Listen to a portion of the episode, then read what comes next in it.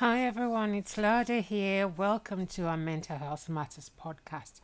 Today I will be talking about ways to improve your mental health. We have had really trying times in recent times, and um, people have had the challenges and uh, difficulties they've had to cope with that have affected their mental health. So I'm just going to talk about um, a couple of ways in which we can improve our mental health and mental well-being.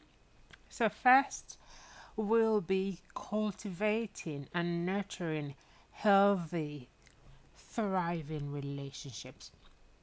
Now, we all need relationships. Our relationships are really important for mental health being, mental well-being. Uh, they help um, provide support for us and also to the people we are connecting with.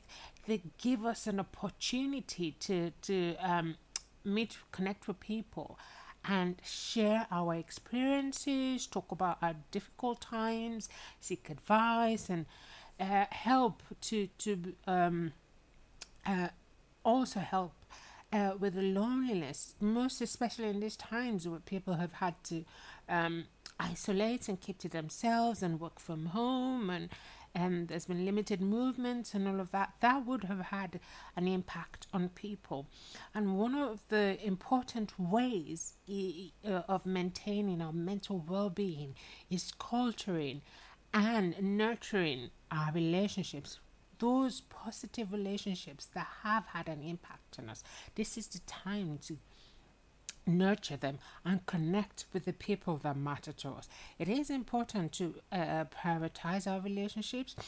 That strong interpersonal bond helps benefit us in a lot of ways.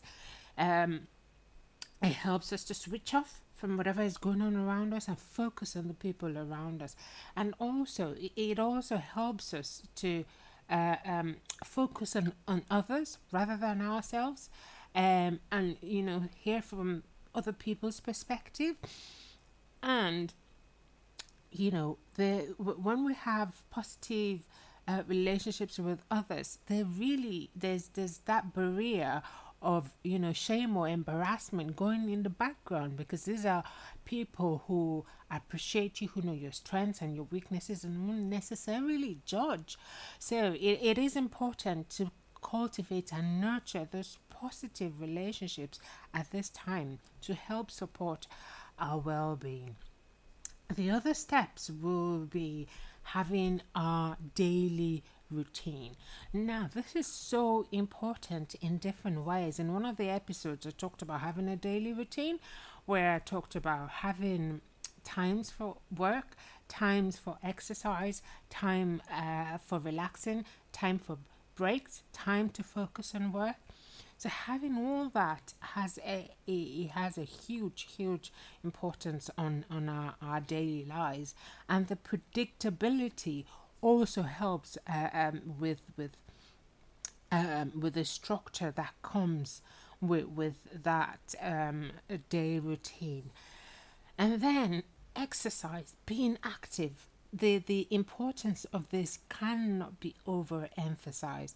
Now, we've we've we've talked about the the um the hormones that are released when um we, we become active.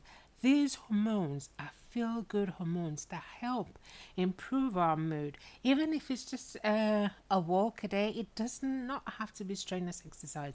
In one of the previous episodes i talked about even people who are indoors and who for one reason or the other cannot go out, you can go up and down your staircase for 30 minutes. You can do a walk around in your garden for 30 minutes. Now, do that daily exercise, aside from the feel good hormones, it also helps with, with uh, reducing our stress. It helps in lowering anxiety. It helps in, in of utmost importance, a healthy healthy life, which it, helps cultivate a healthy, healthy life in which we cannot overemphasize at this time in particular. So, going on, we'll, uh, I'll talk about um, uh, boosting our own own um, confidence, self confidence, and self esteem. Now, one of the key things about um, about improving our mental health is having what I call our whys, our motivating factors. Now, these are the things that get you up in the morning. Having those is is what keeps you going when there when there are difficult times, and they also help you to improve uh, your mental well-being because it, it spurs you on to want to continue and do the the right things in terms of a healthy living, exercise, having structure. When your whys and your motivating factors are there, having that uh, routine, that urge, that um, that drive to wake up and get things done, it will be there. And also, gratitude is a very important aspect as well. For what I usually advise people is just either just before you go to bed at night or when you wake up in the morning, just think of just one thing, one thing that you are grateful for for that day or the day before. And at this time, it can be difficult to focus on yourself or focus on the things around because there's so much bad news in the news. But look out for those things and be grateful for. There will be at least one thing that you will be grateful for and focus on that. When you focus on that thing that you're grateful for, the, the negative things tend to fade out in the background and you can write about it, you can talk about it, you can think and visualize what it is you're grateful for the day before in your mind or at nights before you go to bed. This helps us to focus, it helps our mind to learn to focus on the positive things rather than uh, the, the, the negative things. And also, a, a, an important thing is which is a little bit in line with the gratitude part is mindfulness meditation. Now with this it, it's it's we have so many distracting things around. There's so many things that we can um we we can uh, that, that is drawing and attracting our attention but the ability to focus on the here and now just cannot be overemphasized.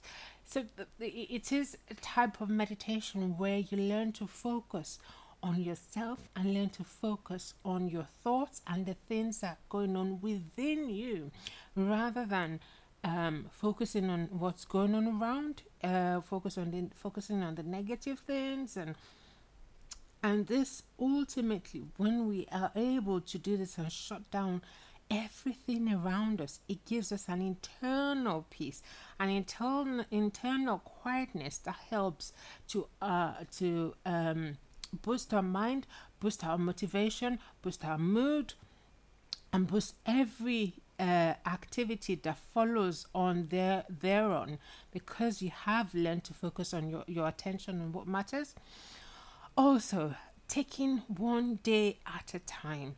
Now, as uh, uh, as as as the, the the times we have now, we we tend to call ourselves uh, the fast generation, um, the generation where you know it's here and now. Everything needs to be done here and now. Um, in in previous generations, you know, it would take them a year, um, not necessarily years. It would take them a long time to get things done. But we don't have that with our generation. We have like the we, we are more or less like the microwave generation where everything gets ready quickly, and so it's very easy to learn not to take one day at a time. Now, the importance of this is that we are able to focus on one things, one thing at a time. Focusing on one day at a time helps to allay the anxiety of uh, what's going to happen tomorrow, what's going to happen in a week's time. Take each day as it comes. We often tell ourselves Rome was not built in a day. We quote this and we say this all the time without you know, practicing that in our own life. And the importance of this cannot be overemphasized. Now, also in line with that is practicing and having a positive mindset. Now, gradually, I've actually built up up to this with um, having the gratitude, the, the uh, practicing gratitude, focusing on the on, on yourself, and you know, tr- focusing on one day at a time. The whole essence of this is to bring ourselves to the place where we have a positive mindset. Because our thoughts are so important. What we think is connected to how we behave and how we feel. And all these ultimately affect our lives. So, for us to have uh, to improve our mental well-being, we have to learn to practice having a positive mindset, looking at things with uh, uh, uh, things with a positive attitude, and thinking of things as being half full, thinking of a glass of water being half full rather than being half empty. And here, here and now, we can choose when something happens, we can choose to look at the positive things that could result from what has happened or focus on the negative and the impossible impossible parts of the situation. It is very very it, it, it can be very difficult if you've had a negative mindset for a very long time so this is this is a gradual change that will happen, but it can happen and we can learn to shift from a negative to a positive mindset. And eventually we will get to see the results. We will get to change our thoughts. We will get to change our feelings and how we act um, in, in relations to to our daily lives. Also, um, learning to say no. Now, this this is something we we all struggle with because you know we all um, have this. Um, we all want to help others, but most of us want to help others. So when someone, it's very easy for someone to just pass it on, and you keep piling and piling and piling and piling things on without actually looking at the the impact of um of it on your mental well being. So ultimately, learning to say no, knowing yourself and knowing your limits, as well as coming to another point, knowing when to ask for help. Asking for help is not a sign of weakness, rather, it is a sign of strength because is it is strong people who would know that I'm at the point where I need help now. I'm at the point where the where I need just a bit of extra support. And the truth is that every single one of us at some point will need a little help in one way or another. And knowing when to ask for help is so important.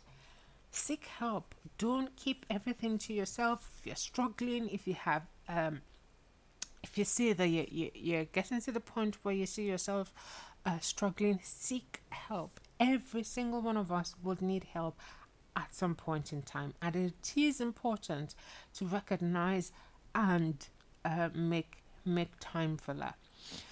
Another important thing is to practice practice practice self-care. I cannot overemphasize this.